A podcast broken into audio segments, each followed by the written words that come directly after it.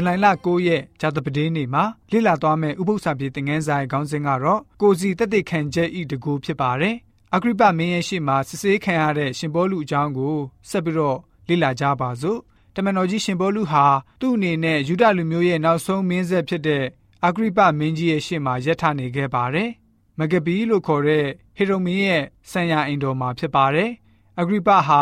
ဂျူးလူမျိုးအယောင်အဆောင်နဲ့ ယူဒတူးလို့အယောင်ပြနေတော်လဲပဲစိတ်နှလုံးကတော့ယောမလူမျိုးလုံးလုံးနဲ့တတိတည်ထားပါတယ်ဆိုပြီး The SDA Bible Commentary အတွဲ6စာမျက်နှာ436ကဖော်ပြလိုထားပါတယ်။အသက်ရလာပြီဖြစ်တဲ့တမန်တော်ကြီးဟာသူ့ရဲ့သာသနာပြုခရီးစဉ်အတွက်နဲ့အကောင်းအဆိုးတိုက်ပွဲကြီးအတွက်အလွန်မှပင်စိုးရိမ်ပူပန်လျက်ရှိပါတယ်။သူ့ရဲ့နှလုံးသားအတွင်းမှာဖះရှင်ရဲ့မေတ္တာတော်အပြည့်အဝခံစားရပြီးတော့မျက်နာဟာလည်းပဲ ထတော်ဖျားရဲ့ကောင်းမြတ်တော်မူခြင်းရောင်ကြီးကွန်မြူရစ်ပတ်လျက်ရှိနေပါတယ်။သူ့ရဲ့အသက်တာမှာဘာတွေပဲဖြစ်ခဲ့ဖြစ်ခဲ့ခက်ခဲမှုညှင်းဆဲခြင်းဘယ်လိုမျိုးပဲခံခဲ့ရခံခဲ့ရထတော်ဖျားရှင်ရဲ့ကောင်းမြတ်တော်မူခြင်းကိုသာအမြဲကြွေးကြော်နေခဲ့တာတွေ့ရပါတယ်။အဂရိပမင်းရဲ့ဇဲအိုက်ကတော့ခက်ထန်တယ်ကြမ်းကြုတ်တယ်တန်တရားနဲ့ပြည့်တယ်ခေါင်းပါတယ်လူတစ်ဖက်သားကိုအမြဲအပြစ်ရှာဝေဖန်တယ်ဒါပေမဲ့ယုံကြည်ခြင်းနဲ့ပြည့်ဝတဲ့ရှင်ဘောလူနဲ့ရင်ဆိုင်ရချိန်မှာရှင်ဘောလူဟာ တမန်တရားအမှန်တွေကိုသာချပြပြောဆိုခဲ့ပါတယ်။ဖြောင့်မတ်ခြင်းတရားအတွက်ကာကွယ်ပြောဆိုတဲ့နေရာမှာကြိုးစားအထောက်တီးခံစိတ်ထားပြီးတော့ယူသားစွာပြောခဲ့ပါတယ်။ပုဂ္ဂိုလ်နှစ်ဦးရဲ့ရင်ဆိုင်ခြင်းအမှုဟာအချက်အလက်တွေများစွာတော့မရှိပါဘူး။စစ်ဆေးမှုရင်ဆိုင်တဲ့နေရာမှာရှင်ဘောလူဟာအခရိပမင်းကြီးစီကနေ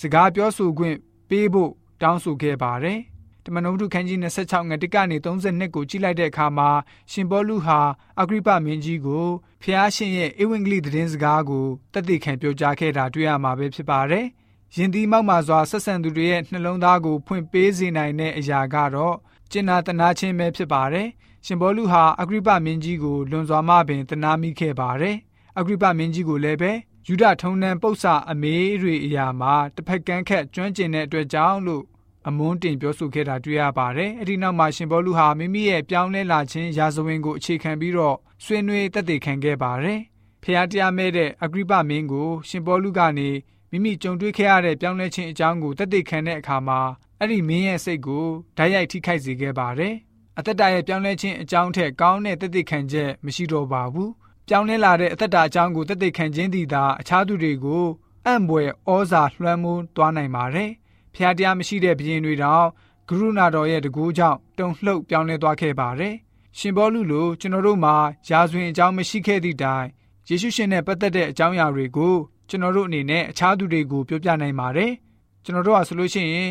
ယေရှုရှင်ရဲ့အသွေးတော်သွန်းပြီးတော့အသက်ဆွန့်ပြီးတော့ရွေးနှုတ်ကယ်တင်ခဲ့တဲ့အမှုကိုလူတိုင်းကိုတသက်ခံပြောပြတတ်ရပါမယ်ဆိုပြီးတော့ဂျာတပဒေးနေ့ဥပု္ပ္ပစာဖြစ်တဲ့ငန်းစာကဖော်ပြပေးထားပါတယ်။